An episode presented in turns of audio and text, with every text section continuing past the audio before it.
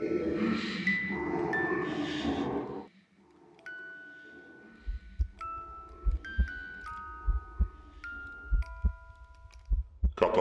w Skyland Blind. Pomimo wielkich przeszkód, każdej nowej zarazy i ciągłego braku żywności, społeczeństwo Skawenów kwitło w tunelach Skyland Blind.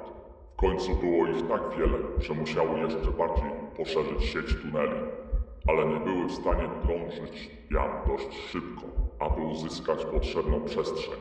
Zatem skaweny wezwały swoich czarnoksiężników, by ci zdobyli miejsce, gdzie wszystkie skaweny mogłyby żyć i się mnożyć. Przodkowie szarych proroków planowali otworzyć wielką wyrwę ziemi, która zapewniałaby przestrzeń życiową dla wszystkich. Skonstruowali zatem straszliwą machinę zasilaną spoczeniem, która miała chwytać kształtować energię magii. Machinę, która była zdolna rozszczepiać skały pod górami. Pracowali przez całe dziesięciolecie, aż wreszcie podczas wielkiej ceremonii odprawionej w specjalnej wydrążonej komorze od Skyvenblight czarnoksiężnicy uruchomili złowieszczą machinę. Przyzwali krążącą pod ziemią swobodną energię, wtłaczając ją w swój szalony wynalazek z żelaza i mosiądzu.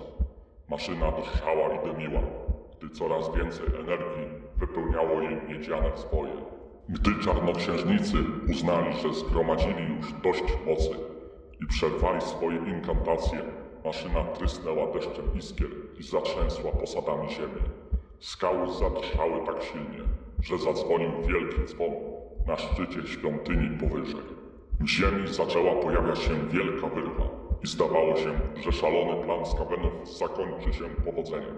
Ale tak się nie stało. Z ogłuszającym hukiem maszyna rozpadła się, uwalniając całą zgromadzoną energię, która pomknęła tunelami i rozerwała rzesze Skawenów na włochate strzępy, wstrząsając całym Skyven Blind. Starożytne miasto z przeraźliwym łoskotem zapadło się w morzu, które zalało udręczoną ziemię. Chociaż miasto w ruinie, to właśnie w tym momencie spośród skawenów wyłonili się nowi władcy.